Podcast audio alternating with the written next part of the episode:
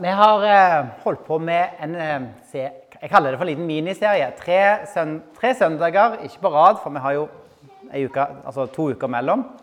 Men tre, tre ganger på sånn storsamling på rad så har vi hatt temaet Immanuel, som betyr altså 'med oss er Gud'.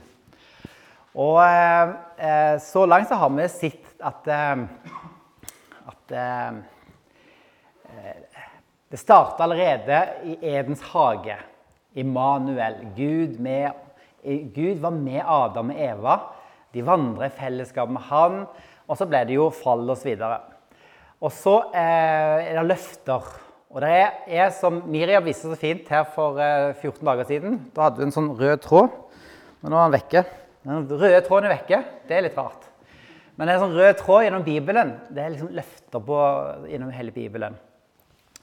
Så eh, i dag er temaet 'Hva nå?' Det, det har, Hæ?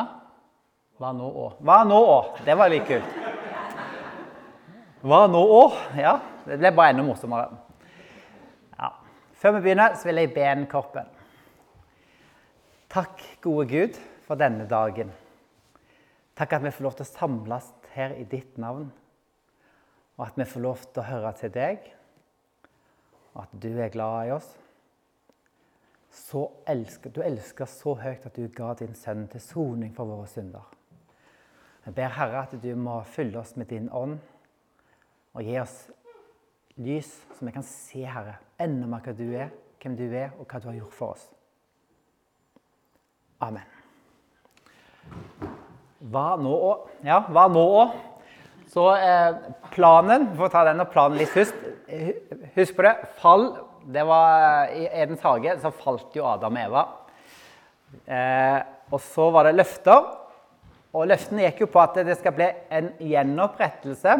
Allerede i, i, når, rett etter fallet så, jo, eh, så, så, kom jo Gud med en sånn eh, løfte om at han skulle knuse denne slangens hode. Eh, men det som er litt trist, da, det er at eh, Adam og Eva de ble kasta ut. Så det fellesskapet de hadde med Gud, det ble brutt. Og eh, så ble det satt altså eh, noen skjønner, kjeruber. Er det noen som har sett en kjerub noen gang? Jeg har sett en tegning. Jeg vet ikke hvordan de ser ut, men det er sånne englevesener. da. Det ble satt sånne til å vokte inngangen til hagen. Øst i Eden. Inngangen til Edens hage den var altså fra øst i Eden. Eh, og der vokta de så ingen skulle komme inn til livets tre. Så har vi sett på første, første samling så så vi at, at Gud jo da, han, han, På tross av fallet så lovte han å følge med og være med israelsfolket. Og eh, han viser dette at han har lyst til å opprette fellesskap med oss igjen. Ved sånne detaljer som du leser i Bibelen. Med at tempelet, eller tabernakelet i første omgang, det var konstruert som en mini-Eden. Hvis du leser, så ser du at det er granatepler, det er vann som symboliserer vannet som var i, hagen. Eh, fargene er ikke valgt tilfeldig. Det er himmelen, nærværet til Gud osv. Denne lysestaken den er forma som et mandeltre. Og de fleste tenker at den symboliserer livets tre. Og så har vi da inne i det aller helligste. Der var Gud spesielt til stede med sitt nærvær. Og når de hadde bygd dette tempelet, eller dette tabernaklet og fått innvia det, så leser vi at det, det skjedde noe veldig spesielt. Det står Så dekket skyen telthelligdommen og Herrens herlighet fylte boligen. Moses kunne ikke gå inn i telthelligdommen fordi skyen hadde tatt bolig over den, og Herrens herlighet fylte boligen. Det står i kapittel 40 i Andre Mosebok. Så det er ganske mektig. Det er ikke bare sånn eh, ja, jeg er med dere. men Herrens herlighet var med dem nå. Men han var med dem i tabernaklet, i dette teltet. Og der han var spesielt til stede, var altså i det aller helligste. Noe lignende skjer senere når de innvier tempelet i Jerusalem. Jeg leste det i andre krønike på kapittel 7. eh, så står det om når de innvier det, så skjer det noe lignende. At det Herrens herlighet fulgte tempelet. Og det kom ild ned, og det ble en sånn veldig syn. Og folk var helt sånn eh, Fikk ærefrykt for Gud. Så dette er altså løftene. Dette er bilder på ting som skulle komme. Vi har vist at de tingene vi ser allerede i første Mosebok, finner vi gjennom hele Bibelen, helt til Johannes' åpenbaring. Og jeg bare leser noen vers fra Johannes' åpenbaring, kapittel 21, vers 3 og 4. og Der står det Se, Guds bolig er hos menneskene. Han skal bo hos dem, og de skal være hans folk. Og Gud selv skal være hos dem. Han skal være deres Gud. Han skal tørke bort hver tåre fra deres øyne. Og døden skal ikke være mer. Heller ikke sorg eller skrik eller smerte. For det som en gang var, er borte. Ok, Så da har vi altså løftene fra eden. Gjenopprettelse av fellesskapet. Bilder på ting som skal skje i framtiden. Tabernaklet. Der er Gud til stede på en spesiell måte. Senere tempelet. Og så ser vi en dag så står vi framme. Og da er det en ny himmel og ny jord.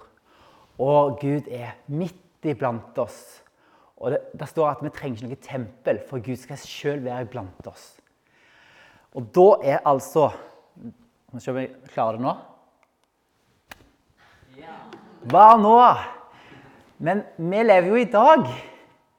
Så hva med oss som lever nå? For det er jo fint. De hadde tempel eller tabernakle. Og jo da, det er en fin framtid i møte for alle som tror. Men hva med oss som lever i dag? Har dette noe betydning for oss? Hva betyr det for oss? Er det noen som har vært i tempelet i Jerusalem? Henriette, du har vært i Jerusalem mange ganger. Har du vært i tempelet? Nei? Du har vært på tempelplassen, regner jeg med. Du har ikke vært i tempelet. Hvorfor har du ikke vært i tempelet? Det er ikke der. Det er ikke noe tempel. Jeg har vært i tabernaklet, da. Det har jeg. Det er en sånn pinsemenighet i Bergen. Det er noe annet. det er noe annet, bare sånn at det er sagt.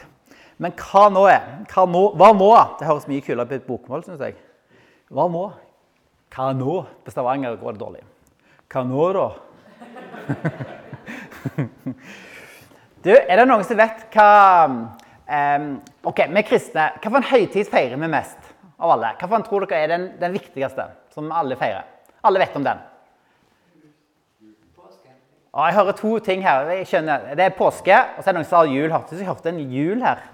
Påske, Vi feirer jul fordi det minner om Jesu fødsel. Men påske det er jo kjempeviktig. er det ikke det? Jesus døde på korset i påsken. Eh, hva andre, andre høytider har vi? Påske og Pinse, selvfølgelig. Pinse. Ja, Jødene de hadde tre sånne pilegrimsfester, kan vi kalle det for. Så de måtte dra til, så sant det lot seg gjøre. Eh, påske og pinse, det var på våren. På høsten, hva var det da? De hadde en dag. Løvetefesten. Ja, visste dere at vi er midt i løvetefesten nå? I dag er altså den syvende dagen i løvetefesten. Så dere har holdt på i ei uke. I morgen er den store festdagen eh, i løvetefesten. Ok, Så nå er det mange ortodokse som lager sånne hytter.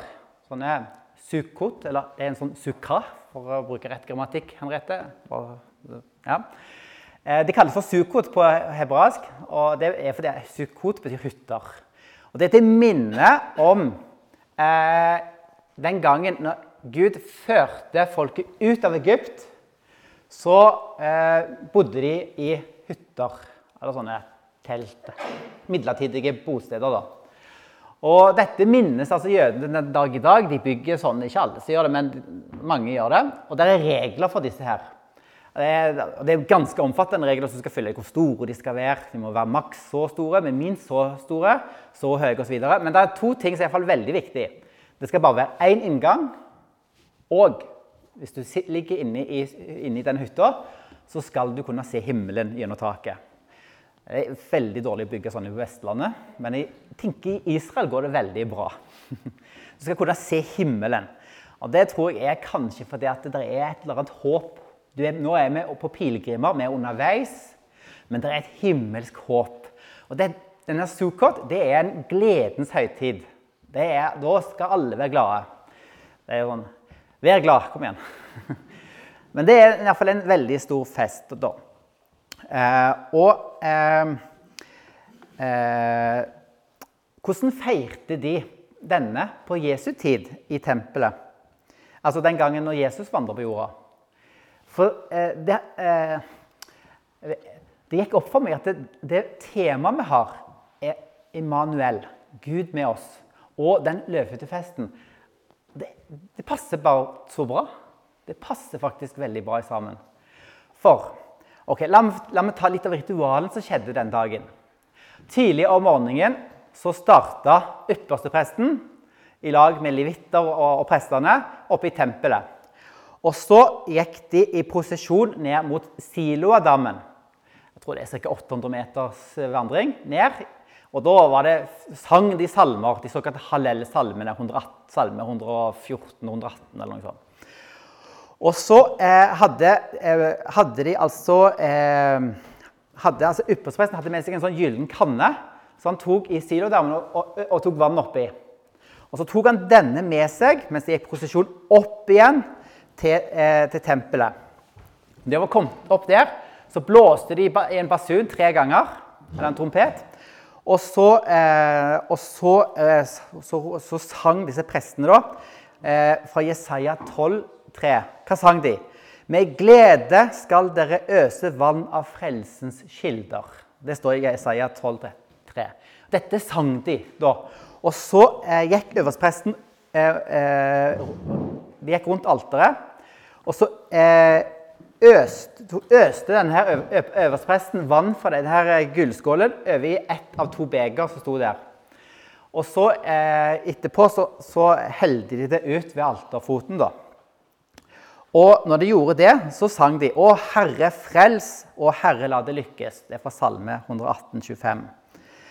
Eh, og denne vannseremonien det gjorde de som et minne om eh, løftet om gjenopprett, ved gjenopprettelsen. Så skulle Gud la eh, elver med levende vann renne ut fra tempelet. Det står i, i profeten Esekiel. Har dere hørt noe om levende vann som renner ut av noen plass før? Ja, dere, For de av dere som var her på samling eh, altså første gang, så husker dere i Edens hage så rant det elver ut. Og Når Esekiel profeterer om det nye tempelet, den, de løftene, så er dette et veldig viktig bilde med vann, elver som renner ut. Og Det ser vi også i Johannes' åpenbaring. Der òg skal det renne levende vann. Så, og, det, og, det, skal være sånn at trærne der gir frukt hva det er, tolv ganger i året. eller noe sånt. Jeg husker ikke helt ordrett da. Men Iallfall så, så skjedde dette på denne dagen. Men på den store festdagen, det er i morgen, så, så skjedde det altså at de gjorde denne prosessen her Sju ganger gjorde de det. Så gikk de sju ganger rundt alteret. Så da måtte de være i god form, tenker jeg. Ja Ja. Langt har jeg kommet. Der. OK.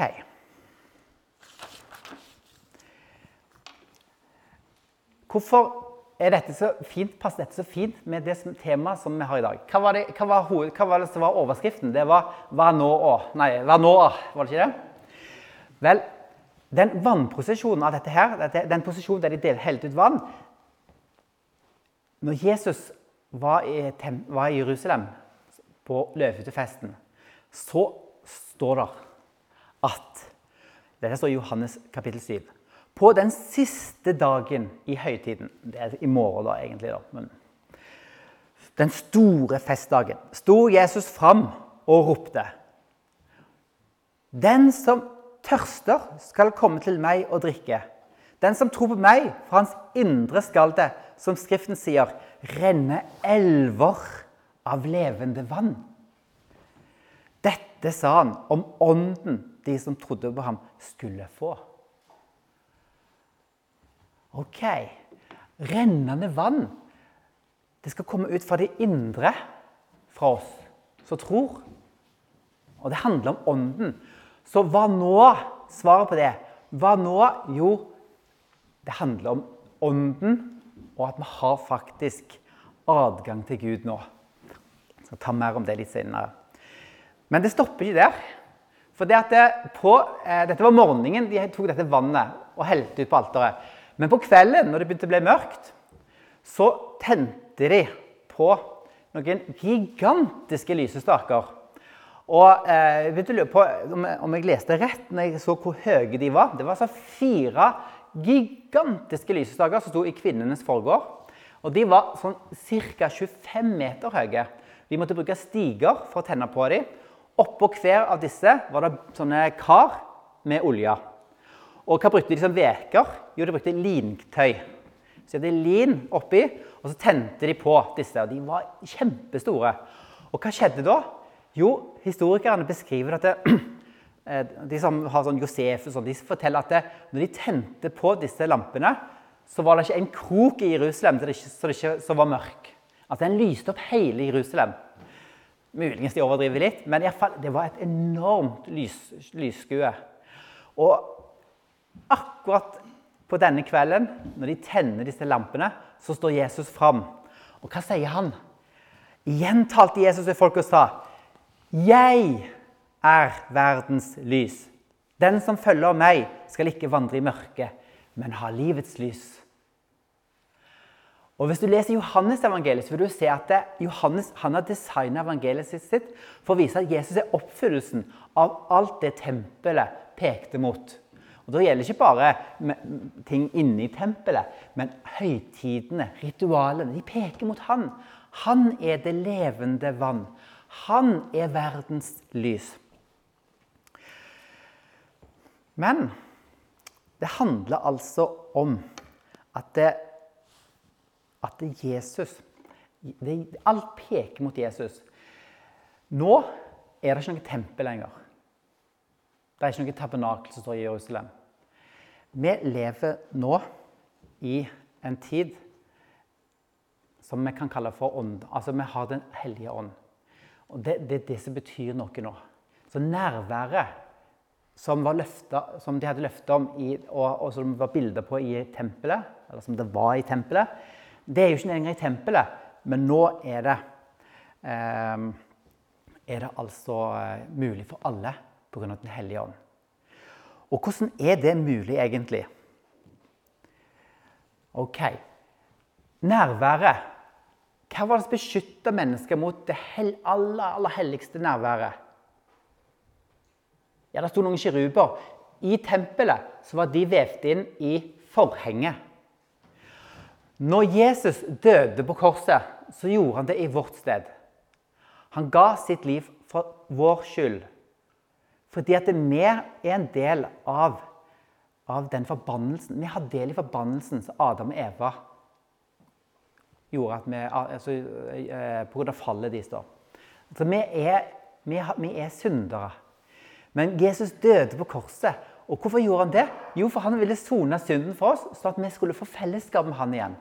Og hva skjer når Jesus dør på korset? Jo, det er et synlig tegn som viser så tydelig at veien er nå åpen til Gud. Men Jesus ropte igjen med høy røst og oppgav ånden. Da revnet forhenget i tempelet i to, fra øverst og til nederst. Adgangen er åpna. Fellesskapet med Gud er nå etablert fordi Jesus har gjort det mulig for oss. Du, Hva er vitsen med et tempel, egentlig? Hva skal med et tempel? Hva er, var poenget?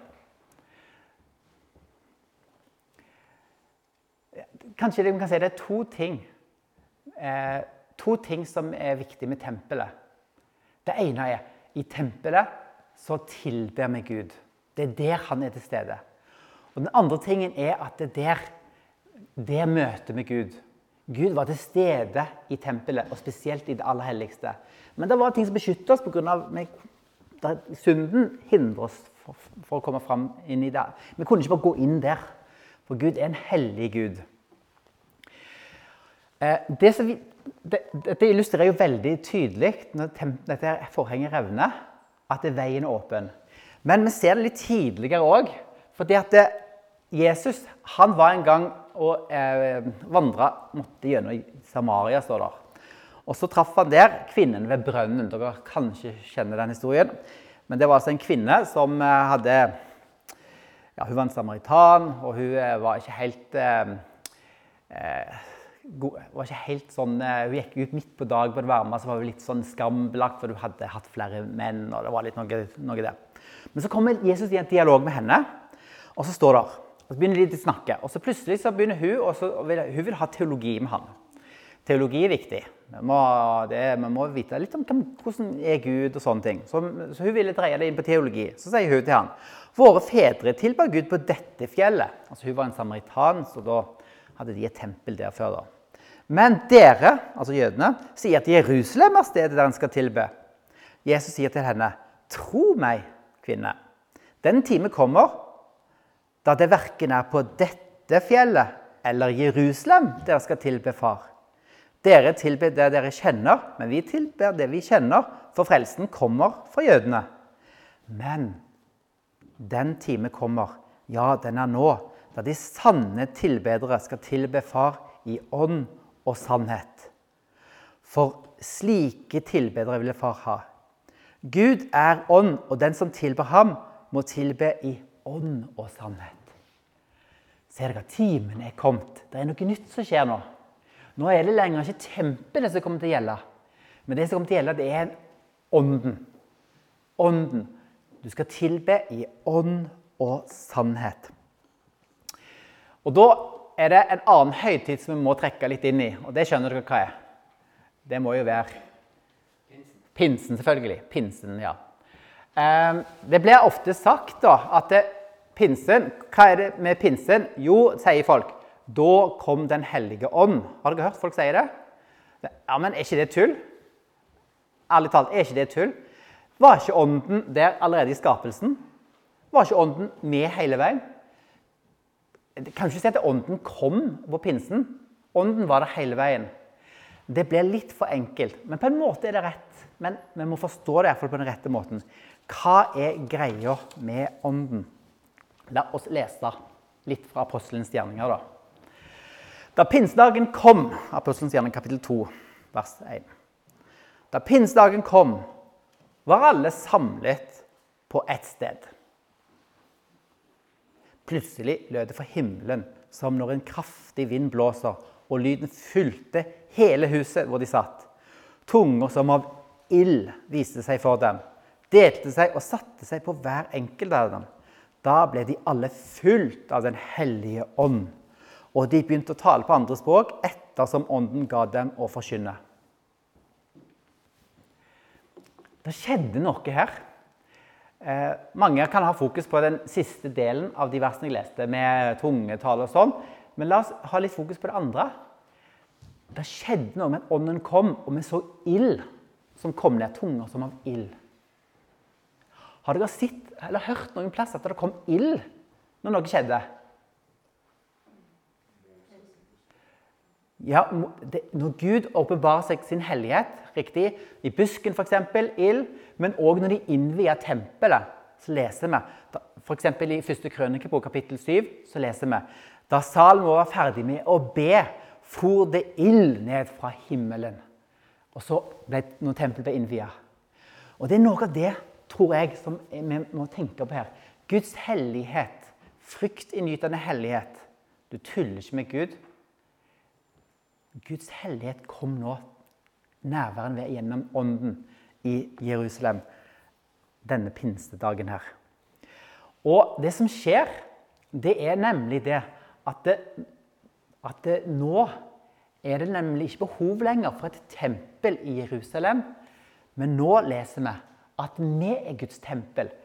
I 1. Korinterbrev, kapittel 3, vers 16, så står det Vet dere ikke at dere er Guds tempel, og at Guds ånd bor i dere? Hva nå? Dere svarer. Nå er det en ny tid. Pinsen. Det som er greia med pinsen, det er at nå er ikke Gud til stede med sitt hellige nærvær i et tempel lenger. Men han er midt iblant oss. Gud er til stede hos oss. Vi er Guds tempel. Og Guds ånd bor i oss. Han har tatt bolig i oss. Har dere hørt? Det begrepet å ta bolig det kjenner vi også igjen fra tabernaklet. Gud tok bolig blant israelittene. Gjennom ham, sier Paulus til feserne, altså Jesus, har både vi og dere adgang til Far i én ånd. Dette er forskjellen, skjønner du. Pinsedag det viser oss at nå har vi adgang til Gud. Gud, vi, vi har fellesskap med Han. Gud er midt iblant oss.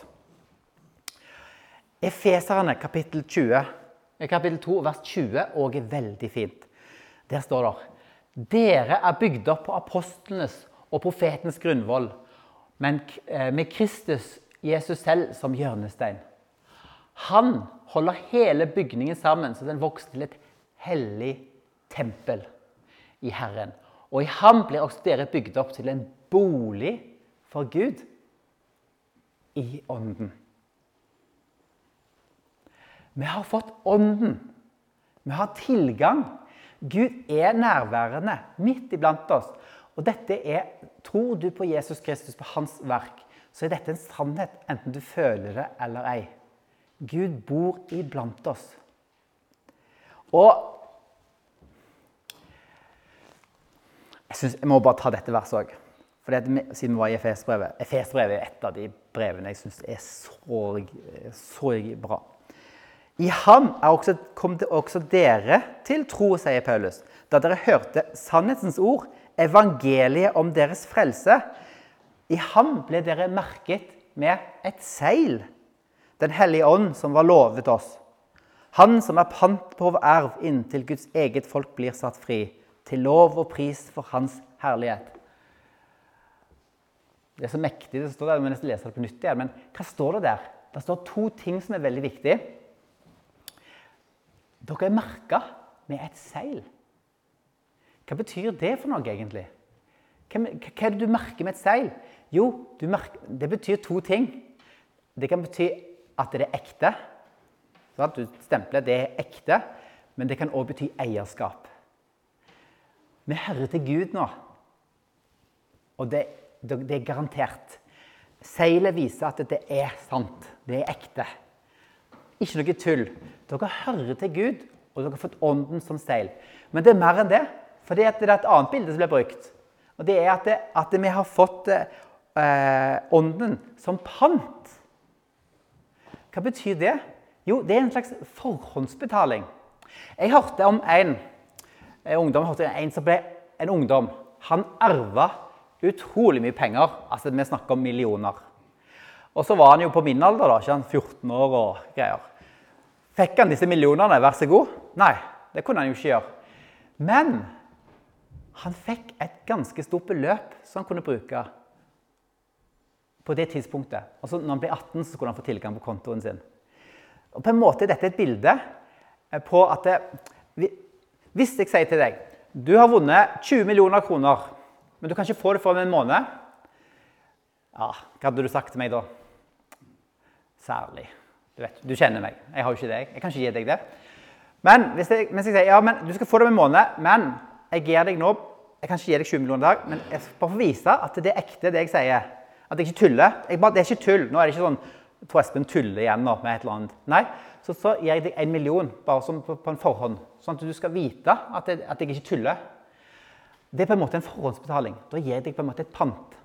Dette var en måte de gjorde den gangen. For å vise at, eh, at, de mente business, så ga de en forhåndsbetaling. Da har de bundet seg til det. Og vi har fått Ånden som pant. Det er en garanti for oss.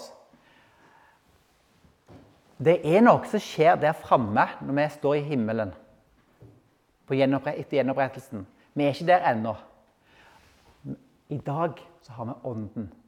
Ånden er garanti. Den er pant. Første Korinterbrev står det noe lignende. Gud er den som grunnfester både oss og dere i Kristus, og som har salvet oss. Han har også satt sitt seil på oss og gitt oss Ånden som pant i våre hjerter. Vi hører til Gud. Vi har adgang til Gud nå. Vi trenger ikke noe tempel. Vi lengter etter den dagen vi skal se Gud, se Jesu ansikt i himmelen. Men allerede nå så har vi fått Ånden. Allerede nå har vi tilgang. Og dette gjør noe med oss. Dette, og jeg skal avslutte med litt mer fra Paulus til korinterne. Der sier Paulus Siden vi har et slikt håp, går vi fram med stor frimodighet. Vi gjør ikke som Moses, som la slør over ansiktet for at ikke Israels folk skulle se at glansen bleknet og tok slutt. Det var da når han var på fjellet. ikke sant? Husker dere det? Nei, vi gjør ikke sånn. Og så står det Og vi som uten slør eh, for ansiktet ser Herrens herlighet som i et speil. Vi blir forvandlet til dette bildet, fra herlighet til herlighet. Og dette skjer ved Herrens ånd. Merk dere en ting, at det skjer ikke helt automatisk. Altså, når jeg ble frelst, så eh, på en måte, Da var det helt ute Da bare skjedde det. det var, jeg var, hadde ingen det. Det var liksom akkurat som det bare skjedde. Det, mange mange, det fins mange måter å, å, komme til tro på.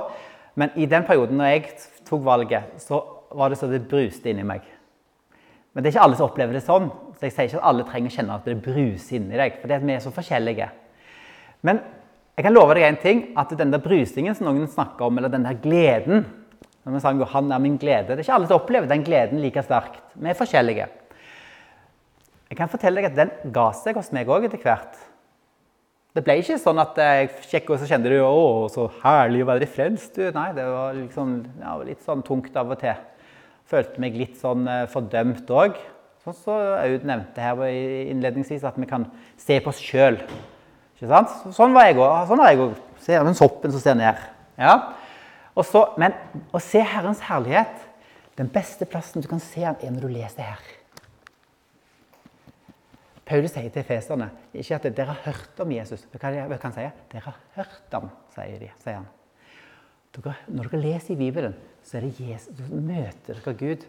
Og dette forvandler oss. Derfor vil jeg oppfordre dere til å ha en, en regelmessig lesing av Skriften. Noen ganger vil det kjennes veldig godt, noen ganger vil det føles at du må disiplinere deg godt for å lese. Men det vil lønne seg. Jeg kan bare si at det, det, til mer jeg lærer fra denne boken, til større blir Gud. Og til mer ser jeg sammenhengen her. Og det er bare så stort. Tenk den planen han satte ut for oss. Der etter fallet Alle de detaljene du leser om gjennom hele Bibelen, hvordan det stemmer med Jesus og de løftene vi har i ham. Tenk for et håp vi har.